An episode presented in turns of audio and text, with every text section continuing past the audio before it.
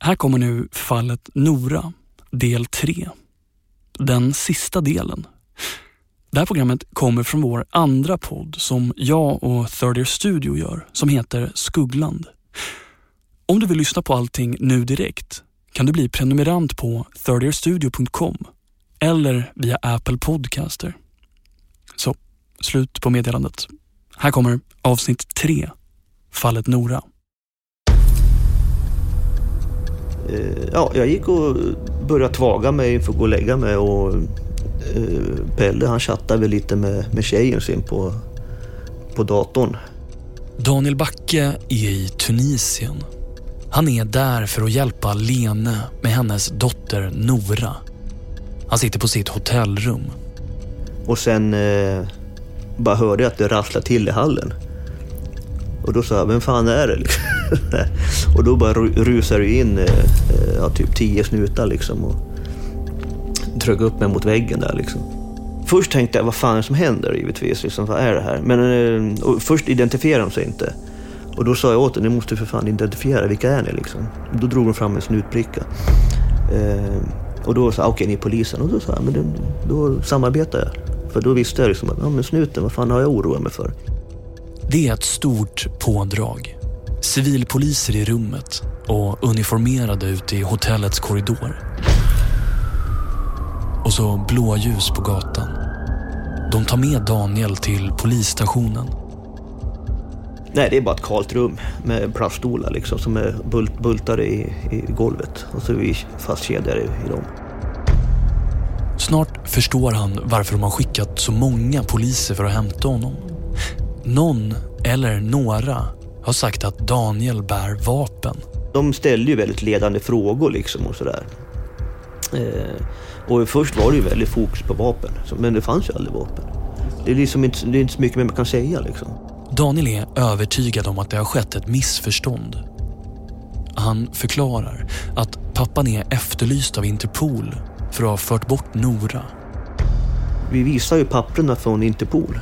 Mm. Grabben är ju efterlyst liksom för att ha fört bort barn. Ni ska ju åka och hämta han liksom. Och så händer något märkligt.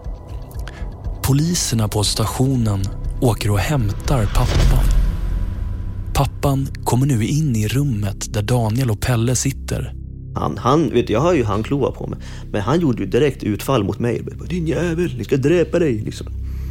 Och vi säger ju det, liksom, att den här killen är ju efterlyst av Interpol. Så liksom, varför gör ni inte ert jobb för? Då sätter ju de sig och de ger han kaffe och dunkar lite rygg med han liksom. Och så snackar de ihop sig liksom. Och så får han sitta med i förhöret och de sitter där och garvar och pekar på oss liksom. Så de samarbetar ju med en, så Interpol i Tunis samarbetar med killen som är efterlyst av Interpol. Det är november 2012 och Daniel Backe har precis blivit frihetsberövad. Det han inte vet där är att det här bara är början på en lång kamp för att komma ut. En kamp som ska komma att pågå i flera år. Third Ear Studio presenterar Dockland, fallet Nora. En berättelse i tre delar. Du lyssnar på det tredje och sista avsnittet. Ingen jävla smurfby.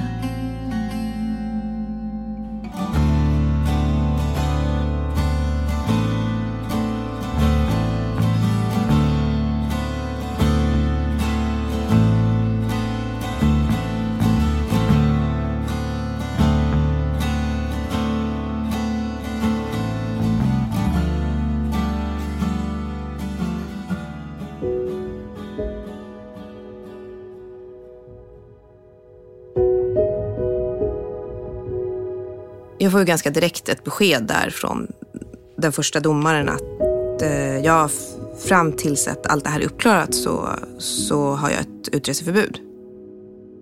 Lene Stockedal har en dotter tillsammans med en man som vi i det här programmet kallar för pappan. Dottern, Nora, är vid det här tillfället fyra år gammal. Pappan har tagit barnet till hans hemland, Tunisien och Lena har efter upprepade försök med myndigheter i både Norge och Tunisien nu bestämt sig för att ta saken i egna händer. Men planerna grusas när hon grips av tunisisk polis. Polisen verkar vara mer intresserad av svenskarna Pelle och Daniel så Lene släpps men beläggs med ett utreseförbud.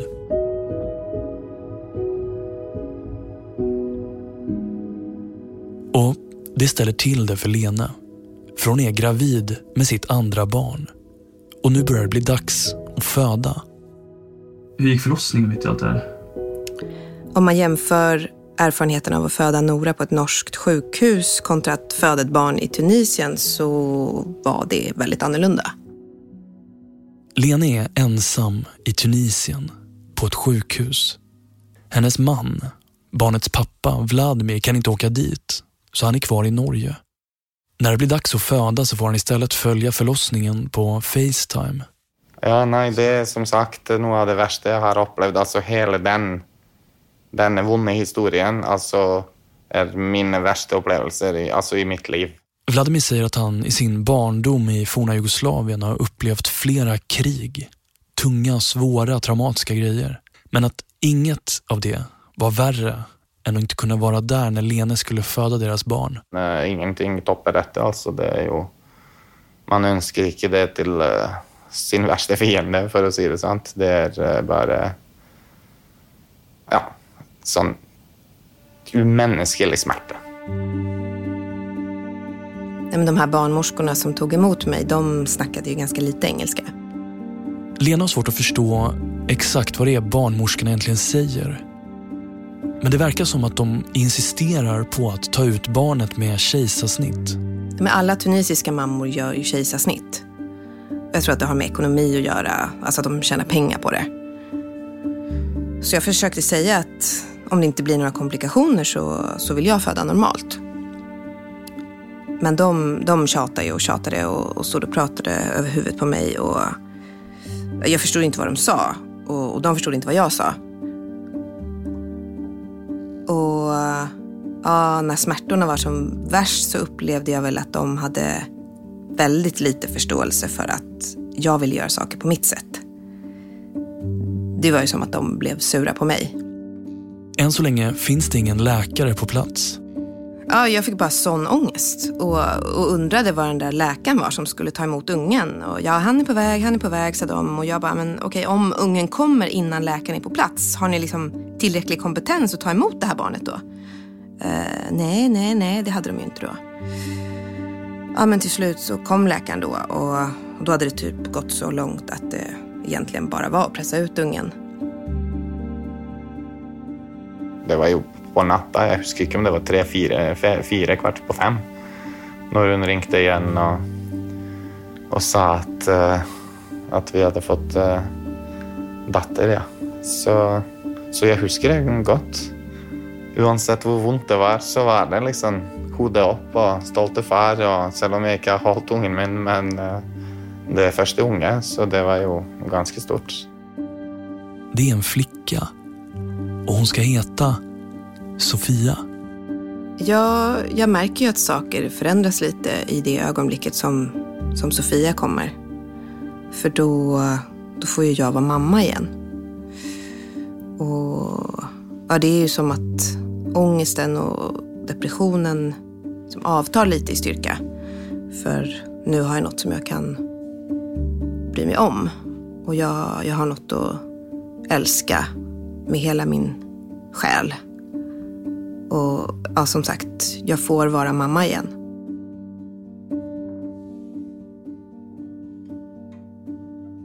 Lena har utreseförbud. Så hon och Sofia blir kvar i Tunisien. Nora är fortfarande med pappan.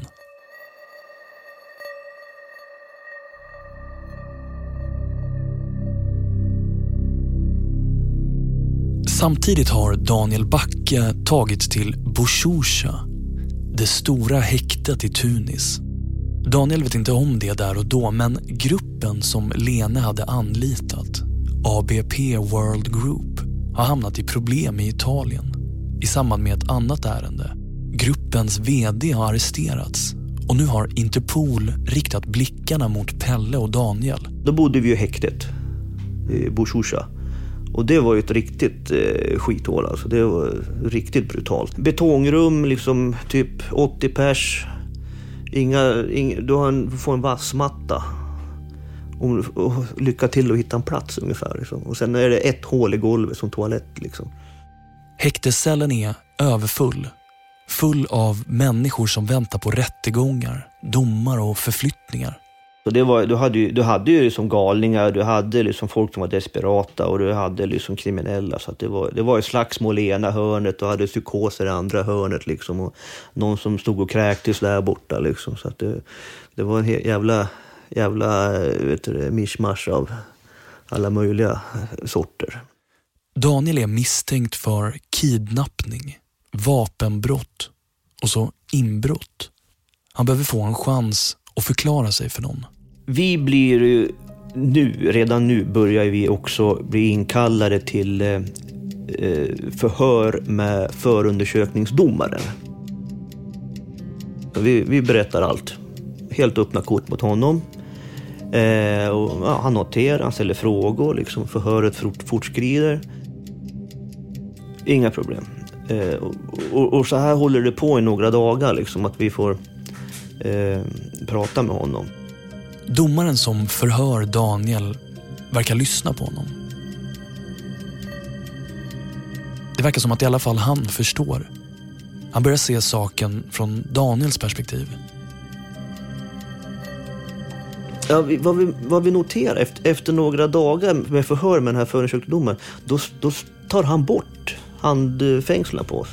Han säger att de, de här killarna behöver inte ha handfängsel. Och då var okej, okay, här har vi ju något progress av något slag tänkte jag då. Eh, han lyssnar ju på oss. Så att här har vi någon som inte är korrupt helt enkelt. För han, börjar, han börjar ju se bilden som den faktiskt är. När förhören är avklarade återstår det bara att skriva under förhörsprotokollen och skicka iväg det. De gick in med våra förhörsprotokoll och sa att nu ska ni skriva på det här. Och det stod på arabiska. Och jag sa liksom att jag tänker inte skriva på det här för jag vet inte vad som står. Utan jag måste ha en tolk. Okej, okay. då gick det ett tag. Sen kom det en tolk. Så han liksom presenterade, jag är tolk här liksom, och här med identifikation liksom. Eh, och, eh, och, han tittade igenom eh, förhörsprotokollet. Och eh, Eh, och jag liksom ställde liksom frågor. Liksom att, säg, står det så? Står det så? Står det så? Är det så här? Vi sa så, är det med? Liksom och så där. Han bara, ja men det, ja, jag hittade det här. Så han bekräftade att okej, okay, det är som vi har sagt. Okej, okay, men då så. Då, en tolk har gått igenom det här med oss och det ser okej okay ut. Då skriver jag på.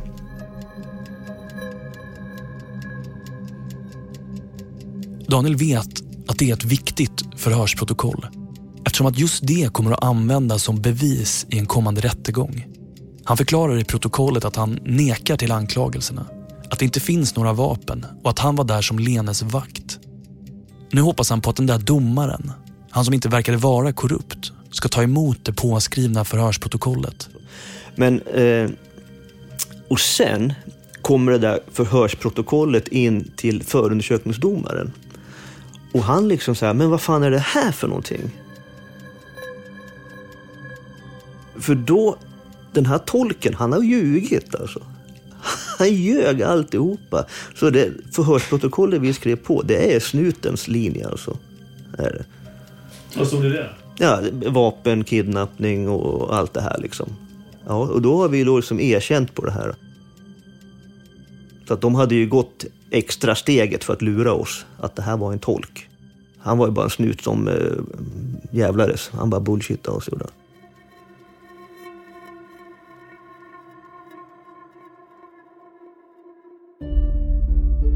Nu börjar den tunisiska polisens arbete med att bygga ett åtal som kan presenteras för en domare. Och det ska visa sig vara en lång och komplicerad process.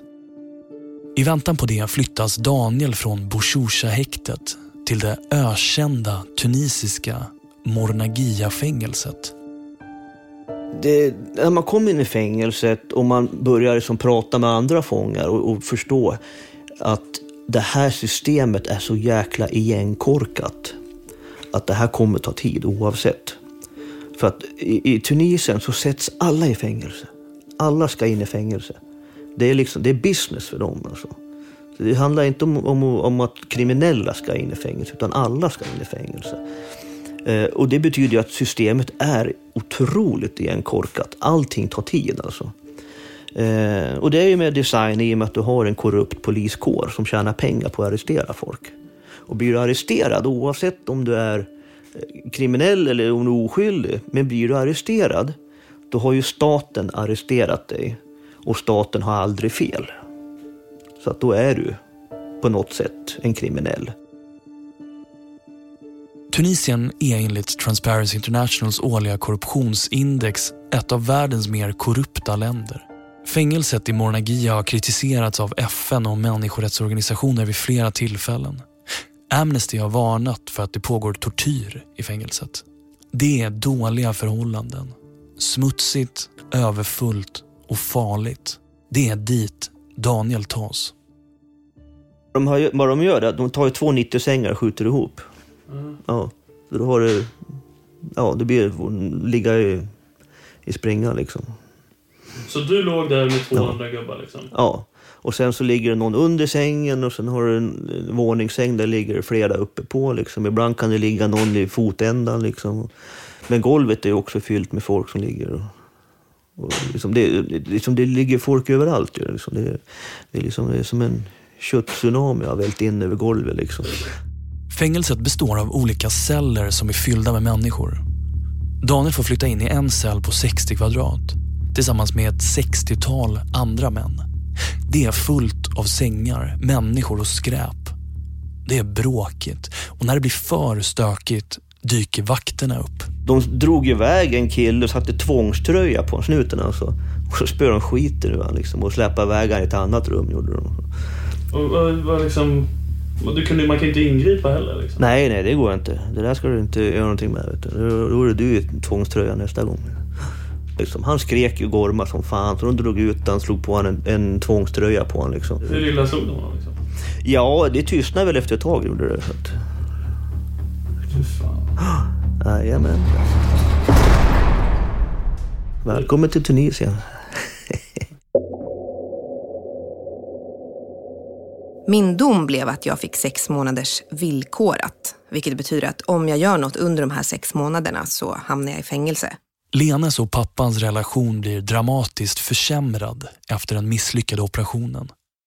Ja, och såklart blev ju pappan ännu mer låst och arg och kontrollerande.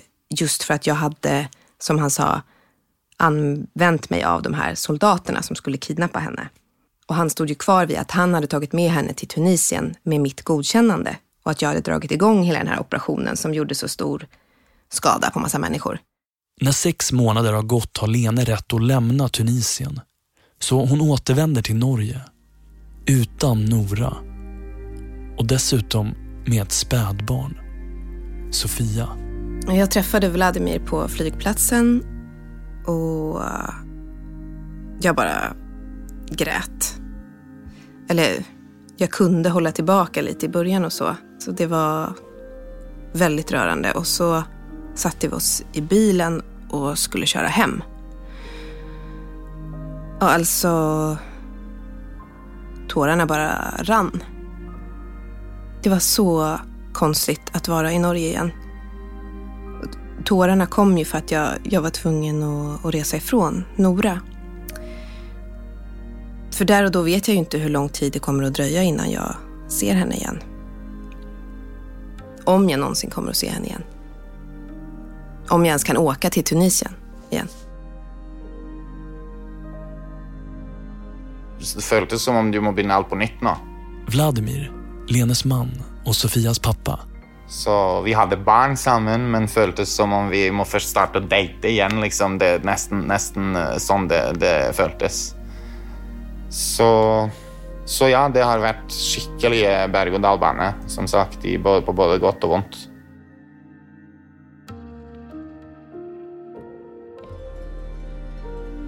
Tunisien har inte skrivit på Haagkonventionen. Det internationella regelverket som reglerar hur sådana här situationer ska skötas. Om Tunisien hade gjort det så hade Nora kunnat skickas tillbaka till Norge och så hade man kunnat pröva vårdnadsfrågan mellan Lene och pappan där. Men Eftersom att de inte har skrivit på konventionen så blir det istället en fråga för tunisiska myndigheter. Och det kanske finns de som undrar varför Norge i det här fallet inte bara kan hämta hem Nora. Hon är ju norsk medborgare, eller hur? Och Lena har ju rätt att vara med henne.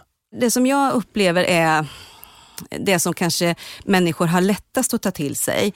Det är om man vänder på det. Här är Erika Neiglik på utrikesdepartementet i Sverige. Tänk att jag bor här med mitt barn och så kommer ett annat land som inte har skrivit under Haagkonventionen eller någonting. Och, så, och jag har ensam vårdnad här i Sverige över mitt barn. Men så kommer ett annat lands myndigheter, deras UD eller deras ambassad och säger nu måste ni eh, se till att skicka tillbaka det här barnet till vårt land för det är föräldern här som är ensam vårdnad. Det skulle vi aldrig acceptera. Vi skulle säga här i Sverige gäller svenska lagar. Om föräldern i, i det andra landet vill, varsågod och driv en vårdnadsprocess här i Sverige.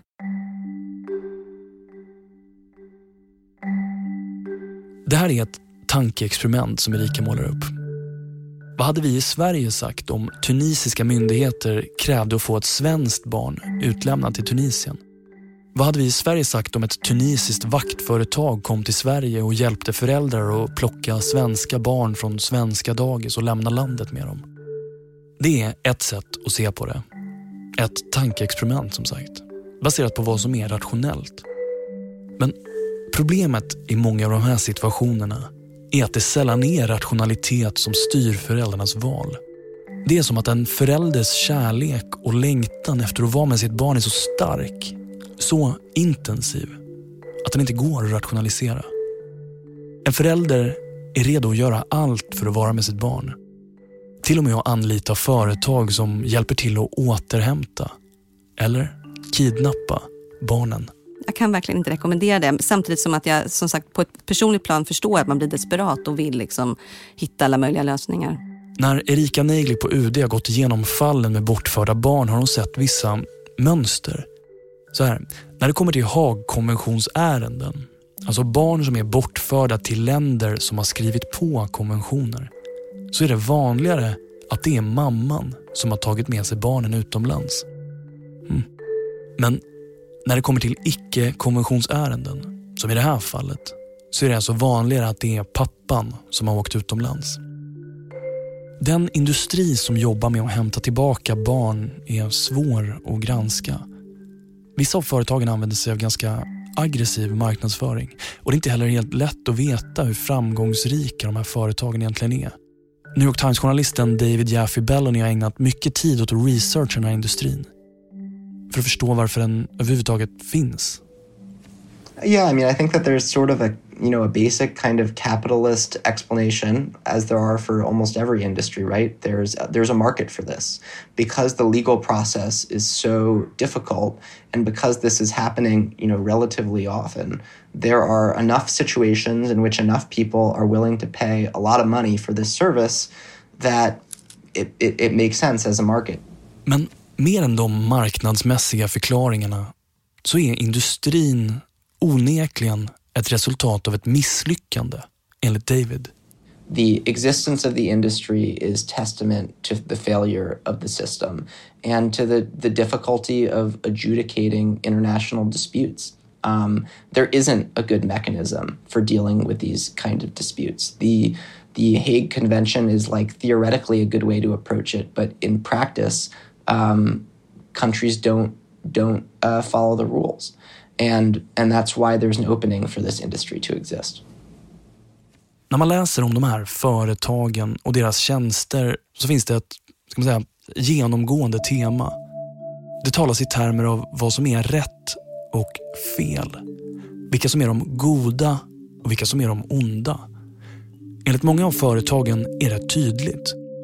De onda kidnappar och de goda räddar. There's a real kind of sense of, of self righteousness and how a lot of these operators conduct themselves. And, you know, a lot of them will also argue that, you know, they love kids, that the reason they went into this work is because they really care about child welfare, that they're just disgusted by situations in which one parent flees with, with the child, that that's, you know, deeply, deeply wrong and that they, they feel like they're righting, they're righting a wrong. För att lära oss mer om den här industrin och om de som arbetar med det hörde vi av oss till en person som har gjort det här kanske mest av alla. Keith Shafirius is my name. I'm a private detective, or as some people like to say, private investigator. Det här är Keith Shafarius. Han finns i Australien. Och han har jobbat med det här i mer än 50 år. Han har enligt honom själv hjälpt till att hämta mer än 100 barn från olika länder genom sin karriär. Han har varit i Asien, i Mellanöstern, Östeuropa, överallt. I, I guess uh, one of my main motivations is I love children. I don't like seeing children suffer because the parents are not getting on, because the parents are arguing, and uh, uh, children don't know what's going on around them. They, they should not suffer. So uh, I go and uh, do my best. Keith berättar att det vanligtvis går till så här. Han blir kontaktad av en förälder som vill ha hjälp med att hämta sitt barn. Och då blir det upp till Keith att bestämma huruvida han vill ta sig an fallet. Han gör en sorts bakgrundskoll på föräldern som har hört av sig. Han pratar med anhöriga, går till deras arbetsplatser, kanske besöker kyrkan där föräldern brukar vara. Allt det här för att bilda sig en uppfattning om huruvida det är rätt att ta sig an fallet. And uh, the first thing is to uh, sit together, go through it all, uh, see why the child was uh, uh, abducted, why it was stolen, and who, who took it. Uh, I like to find out or get the knowledge that I'm doing the right thing by the parent I'm working for. And for that reason, I would accept uh, probably three out of five cases. And uh, in the other cases, I believe they're with the better parent. And uh, I, won't get involved. Keith gör helt enkelt en egen utredning om vilken förälder som är bäst lämpad att få barnet. Han säger att i tre fall av fem så bestämmer han sig för att inte hjälpa föräldern som frågar. Han gör då bedömningen att barnet har det bra som det är. Och det är det här som är det centrala här. För det är Keith som gör den bedömningen. Inte myndigheterna. Keith gör det. Ni har redan hört om ett jobb som Keith gjorde. I Italien. I kuststaden Genua. Ni vet, med mamman. Angelina och barnen som lekte nere vid vattnet. Och mannen med solglasögonen vid kaféet. Keith är mannen med solglasögonen. So I arranged for someone to meet her and lock her in. By the time she came out, we had the child on a fast boat and up around the coast to uh, uh, well away from Italy. I Keiths version av den här berättelsen är barnens mamma, Angelina, prostituerad. Helt enkelt olämplig att ta hand om barn. Och det är därför han, tillsammans med barnens pappa, sätter barnen i en speedboat och åker iväg från Italien. Det var alltså därför de gjorde det. För att hon var prostituerad. Men lycka till med att faktakolla den uppgiften. And the children were just absolutely so happy. They were just laughing and smiling and chatting to their father every day, which made me feel so elated and so happy that I was able to connect those children. I just, I just wish I had a lot of years left to be able to do this. And uh, I, uh, I turn 80 next birthday, but still going strong. 2012 väntar Daniel Backe på att den tunisiska förundersökningen ska lämnas in till en domstol. Men det drar ut på tiden och Daniel sitter fast i Mornagia-fängelset. Jag undrar hur det var att tänka liksom hem på din familj i Sverige, morsan och Melody och alla de där. Nej, det var inget att tänka på. Okej. Nej, det fanns ingen, eh, inga, inga resurser att tänka på sånt. Och det, det gjorde jag, det, det beslutet tog jag ju jävligt tidigt också. Hur då? Ja, jag gjorde liksom en mental eh, notering att eh, nu måste jag omprioritera allt. Och eh, tänka liksom bara här och nu. Intressant. Ja, den, här, den här lilla kvadratmetern jag står på, det är den som är prioriterad just nu. Liksom det, det jag kan kontrollera, det ska jag fokusera på. Jag kan inte kontrollera på vad som händer där ute och då ska jag inte lägga ner någon energi på det heller. Liksom. Det låter- känns som att det är lättare sagt än gjort. Ja, men kommer man till ett liksom extremt eh, scenario så då kanske då, då, då finner man sig själv där och då, då, då måste du prioritera helt enkelt. Så hur såg prioriteringen ut då? Ja, det, det, det jag kan påverka kan jag påverka. Allt annat släpper jag. Fängelset i Mornagia är en samling baracker mitt ute på den tunisiska landsbygden. I mitten av fängelset finns en stor rastgård, helt i betong. Förhållandena är dåliga. Toaletterna som bara är ett hål i golvet stinker. Det är sopor och råttor och skit. Sängarna är också fyllda med vägglöss. De fyller madrasserna i stora klasar. Tusentals små löss som äter på dig på natten. När Daniel vaknar på morgonen ser han hur hela madrassen är prickig av blod. Han är en av få västerlänningar där. De hade kunnat vara lätta byten i fängelset. Men Daniel upplever ändå att de blir lämnade i fred. Generellt sett så var det ingen som riktigt vågade göra någonting heller. Alltså, de var väldigt avvaktande mot oss. Och jag kan, jag kan tro att, eh, jag vet väl att eh, i, i den här världen så är det, har du en massa tatueringar och liksom rakat huvud liksom och kanske har, är lite välbyggd om man säger så. Då, då ser man farlig ut också. Mm.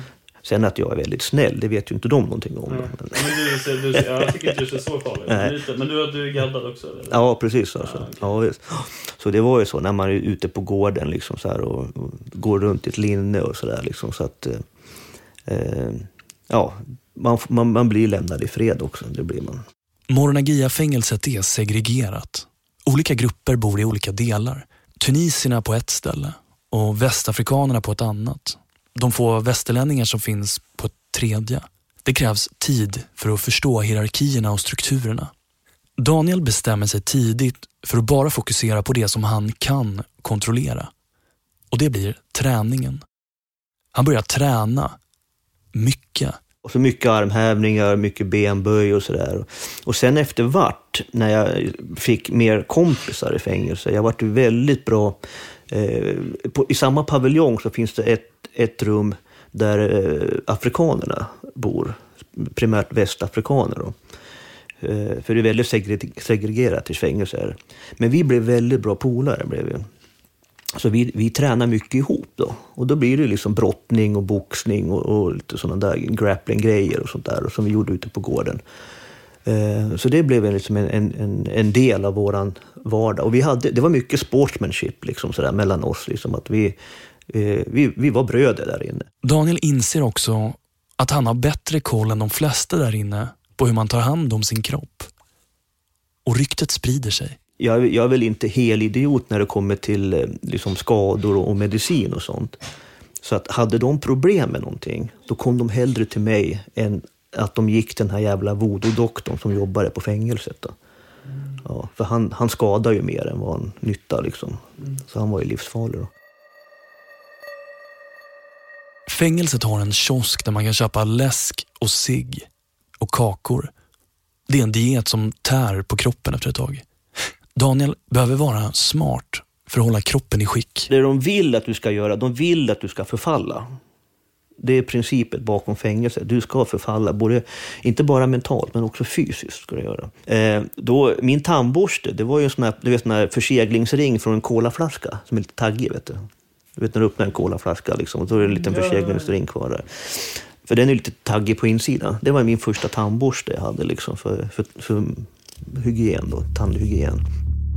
Jag slås av vilket lugn Daniel har när han pratar om allt det här. Han sitter alltså fängslad på en plats som andra har beskrivit som ett skräckfängelse. Men han är helt fokuserad på bara att ta sig igenom dagarna. Det är en sorts mental styrka som för mig framstår som helt övermänsklig. Kanske har det att göra med hans tidigare yrkesliv. Ett liv där han slagits mot somaliska pirater och haft små djävular på axeln, 100 meter under vattenytan. Han har levt. Och när han kommer dit till fängelset så vet han det. Att det inte alltid är lätt att leva. världen är, det är ingen jävla smurfby alltså. Utan eh, det är, det är, det är hårt ute i den stora världen. När förundersökningen presenteras för domaren står det att Daniel har gjort inbrott i en lägenhet med en automatkarbin. En bisarr anklagelse som inte stämmer enligt Daniel. Det finns inga bevis, så domaren skickar tillbaka förundersökningen. Och allt måste börja om igen. Under tiden får Daniel vänta i Mornagia-fängelset där han nu börjar lära sig mer om hur livet där inne kan se ut. Nej, alltså folk slåss. Det är, det är mycket folk på en liten yta. Folk är frustrerade. Så jag kommer ihåg, eh, oftast är det ute på rastgården, men när, ibland händer det in i cellerna också.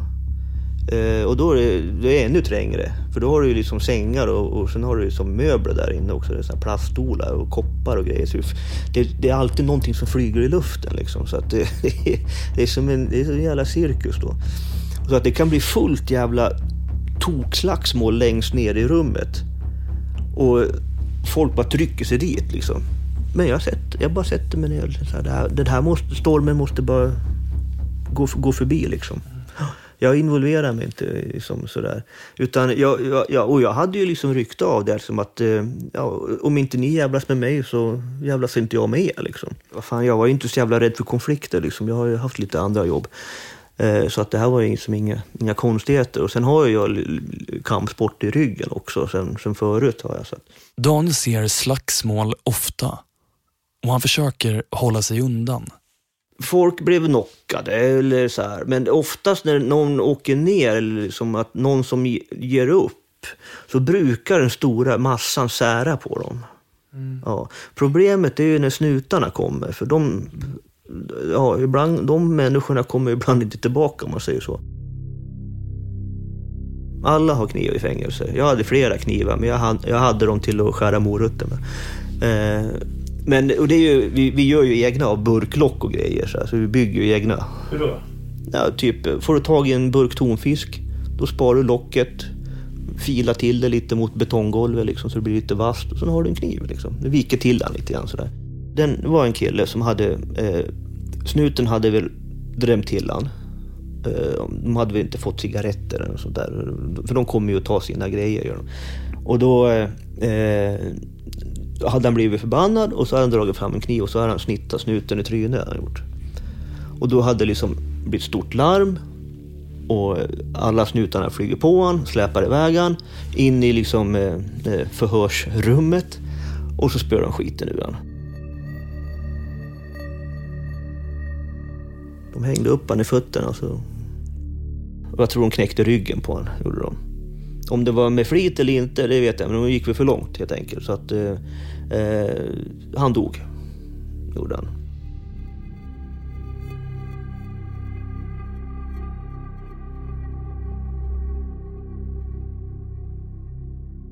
Hemma i Sverige har Daniels anhöriga börjat arbeta med att få ut honom.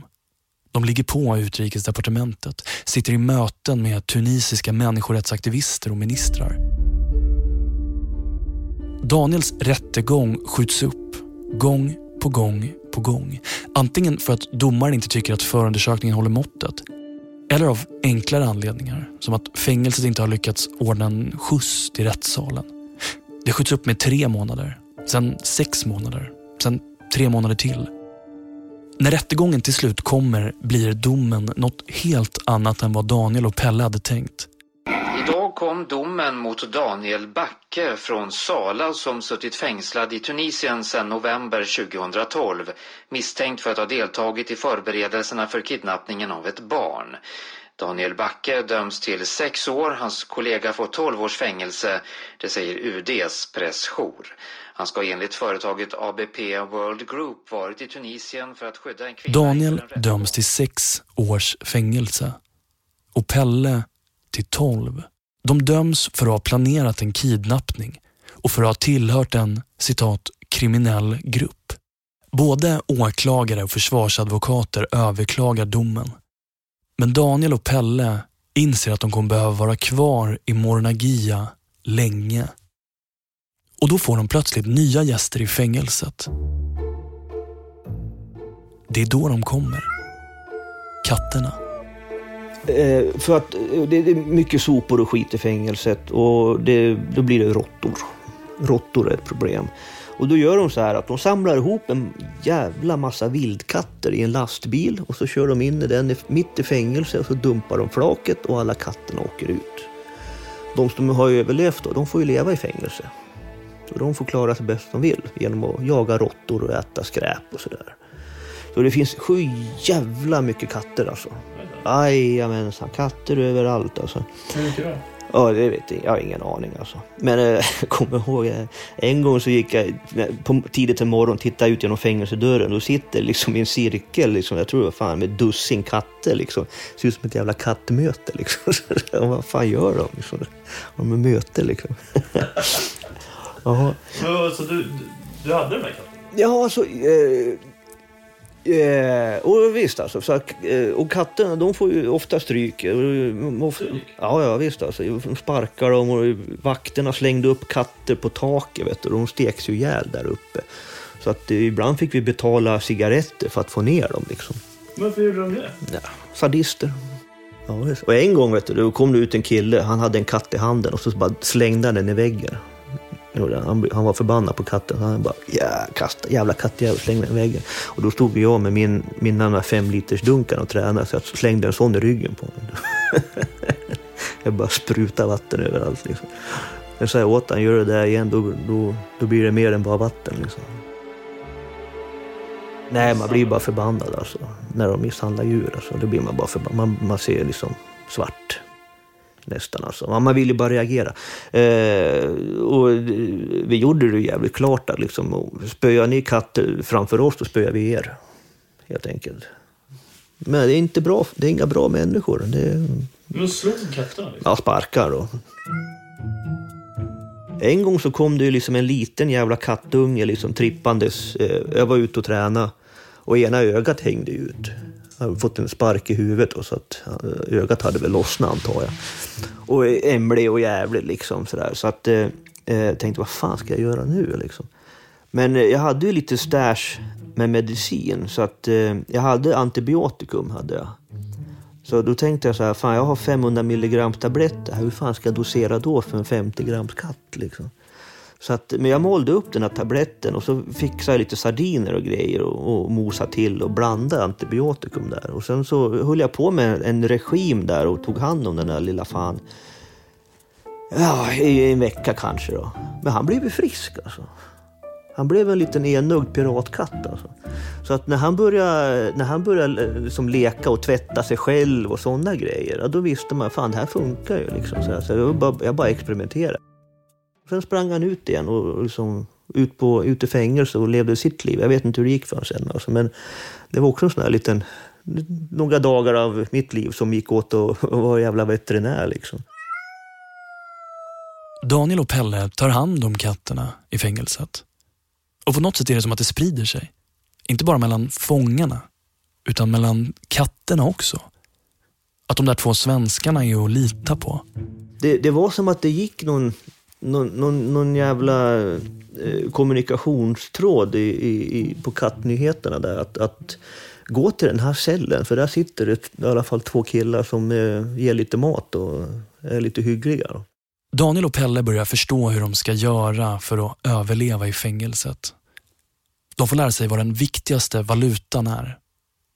Ciggpaketen.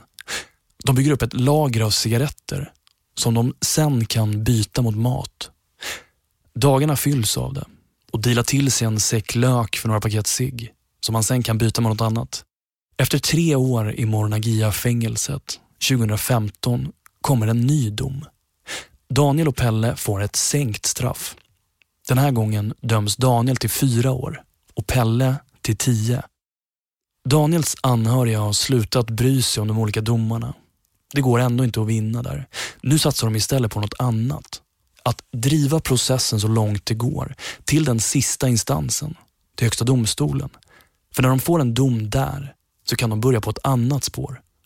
Att få en benådning av Tunisiens president. Eh, för då hade det hade väl gått tre och ett halvt år då. Eh, och sen så... Och jag, det skulle behöva gå fyra år innan de kunde benåda mig, tror jag. Och efter ett tag så kommer beskedet.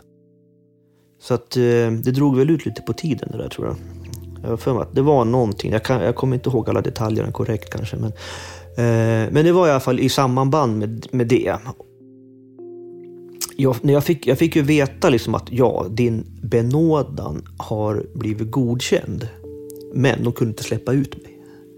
För de kunde inte garantera eh, min trygghet. Så att eh, de sa det att eh, eh vi väntar lite och sen så sen kommer du ut. Då. Jag tror jag satt benådad i fängelse typ en månad eller något sånt. Och liksom bara väntade på att få komma ut. Och sen så eh, fick jag höra igen, genom djungeltrumman då att eh, i, imorgon klockan fem på morgonen var redo. Okej, okay, eh, och då gick jag ju runt och började säga hej då till alla i cellen liksom och, och sådär.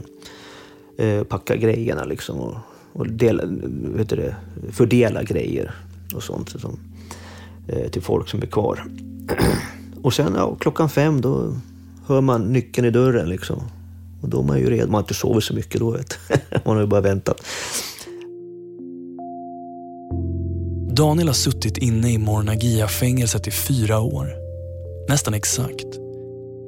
Och nu, för första gången, ser han utsidan. När man fick se en horisont igen, efter fyra år, då tog man ett steg tillbaka. Alltså man bara... Liksom. Mm. Ja, ja, ja. Det, det, var också, det är en sån här känsla som, jag, som sattes i ryggmärgen. Liksom. Mm. Nej, men du har inte sett en horisont på fyra år, sen ser du en horisont plötsligt. Det, det är en wow-upplevelse. För du tar ju horisonten för givet hela tiden, eller hur? Mm.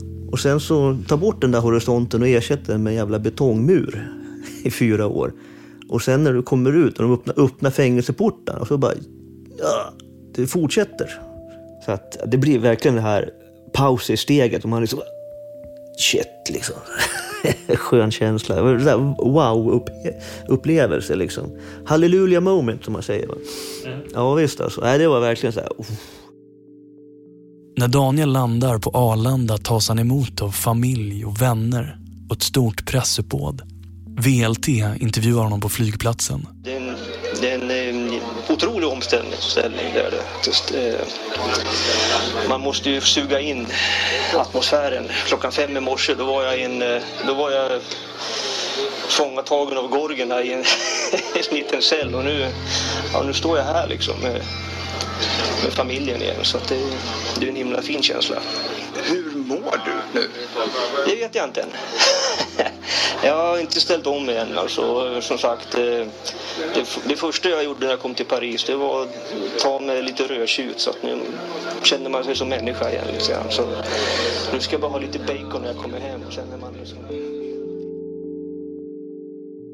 Daniel blir benådad. Men den andra svensken, Pelle, blir det inte. Han får sitta kvar i ytterligare två år innan han också kommer ut.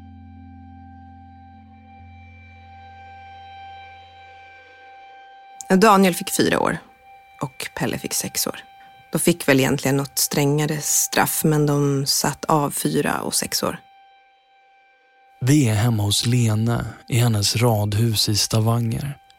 I hennes knä ligger Tom, hennes katt som hon tog med sig hem från Tunisien. Senaste gången Lene träffade Nora var 2015. Idag är Nora 13 år gammal. Sofia, ni vet barnet som föddes på sjukhuset i Tunisien, fyllde alldeles nyss sex år.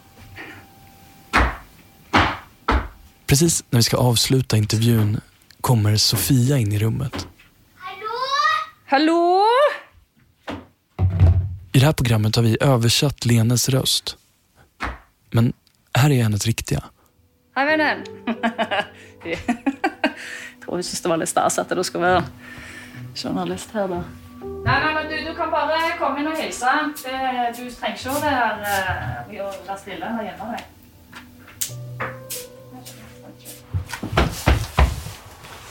Hallå! Hej. Vad heter du för då? Sofia. Anna, det här är en eh, journalist som kommer med mikrofonen. Som ska snacka om Nora mm. med mamma. Och det kändes kanske lite gott ut för mamma. För det var någon som spurte om, om hon hade lust så sa hon ju okej. Okay. Mm. Ja. så Det er litt begge deler, vet du. Det er jo ganske vondt å snakke om det, og samtidig så er det godt på samme tida. Kan, kan du fortelle meg hvem Nora er? Hun min store och og ja, en jente på 13, tror jeg. Og så ser hun jo ganske grei ut og sånn. Så ønsket jeg at hun var hos meg akkurat nå. Som at jeg hadde en storesøster. For noen ganger er jeg egentlig litt lei meg for at jeg ikke har en storesøster eller en storebror akkurat her nå. Eller mest en storesøster, da. Tusen takk. Vær så god. Lene säger att hon idag har god kontakt med pappan. Han har nyligen bett henne att skicka lite böcker på norska till Nora. Men nu är det snart sju år sedan hon träffade Nora. Hon och Vladimir bor här i huset tillsammans med Sofia och deras senaste tillskott, en liten son. Huset har tre sovrum som det är nu. Vladimir säger att det finns en lösning på övervåningen. Det går att sätta upp en till vägg och få ett sovrum till. Ett till Nora, om hon kommer hem. Men än så länge har de inte satt upp den där väggen. Vi behåller det här inntil videre. Gipsvägg kan man sätta upp på en uh, halv dag. Idag jobbar Lene själv med barn. Hon tänker att det kanske har att göra med det hon har varit igenom. Hon säger att det egentligen inte är ilska hon känner. På norska sinne. Eh, nei, jeg ser vel egentlig sinne mer som en reaksjon på følelsen sorg. At for mange er det kanskje enklere å kjenne på sinne enn å, å faktisk kjenne på den bunnløse sorgen som, som ligger i, i oss. Nora kjenner jeg i hver ei celle i kroppen min. Mm. Hva kjenner du, selv om du ikke har sett meg på mange, mange år? Jeg kjenner at eh, hun venter bare på den dagen der vi treffes igjen. Og eh, Når du får se Nora igjen, da? Hva vil du si til henne? Jeg holdt på å si Det var to ting som poppa opp. Jeg elsker deg over alt i verden, og unnskyld. Det kom til meg. Unnskyld for at jeg har satt hun i den posisjonen.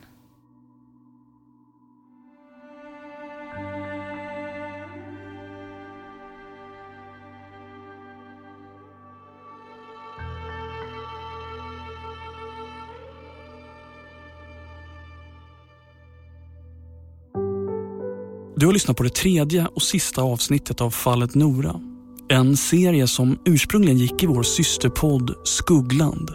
Och tack till alla ni som prenumererar på Third Year Studio och stöttar det vi gör. Som prenumerant på Third Year Studio får man tillgång till alla poddar vi gör.